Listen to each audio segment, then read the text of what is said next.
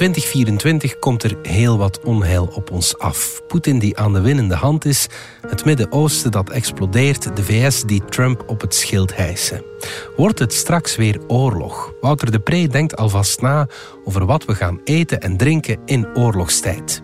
Schuifkaas, chicorij sop en waterkonijn bijvoorbeeld. Zelf wil hij er ook een centje aan verdienen, met een lekkernij genaamd Pushy bijvoorbeeld.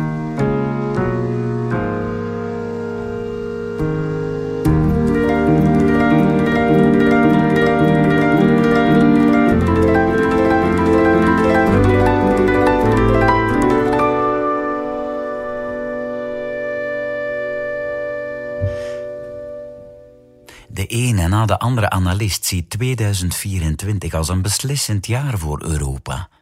Dat we met een tweede presidentschap van Trump de steun van Amerika helemaal dreigen te verliezen.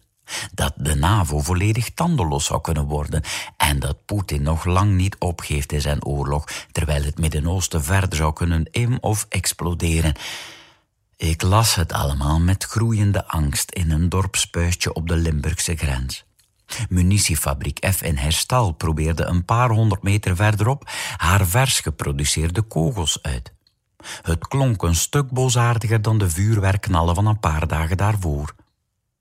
En plots dook in mijn hoofd één woord op. Schuifkaas.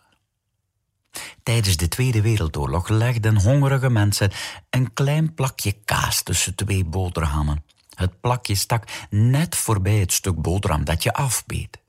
Door de geur van de dichtbije kaas had je de illusie dat je kaas at. Voor de volgende hap schoof je de kaas weer wat achteruit en hup, je at de tweede kaasboterhamhap zonder kaas.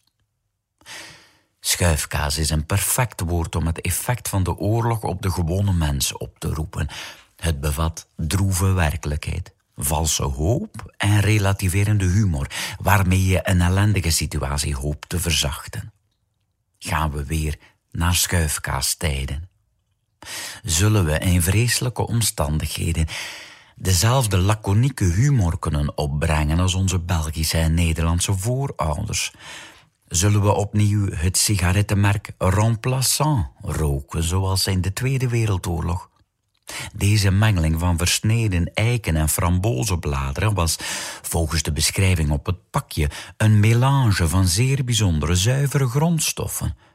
Of zullen we liever een sigaretje draaien van Faverta sigaretten en rooktabak, ondanks de laconieke toevoeging op het pakje bevat geen tabak? Een stront lekker laten ruiken. Volgens mijn grootvader Zaliger was het altijd al de specialiteit van commerçanten, oorlog of geen oorlog. Zelf was hij prozaïscher. Hij omschreef het flauwe erzatsproduct voor koffie van tijdens de oorlog gewoon als chicorijsop. Ook had hij vaak baksels moeten eten die hij overlevingskoeken noemde. Hij maakte twee oorlogen mee en zal het verbloemen beu geweest zijn. Ondertussen knalden ze het nieuwe jaar lekker verder in bij F Herstal.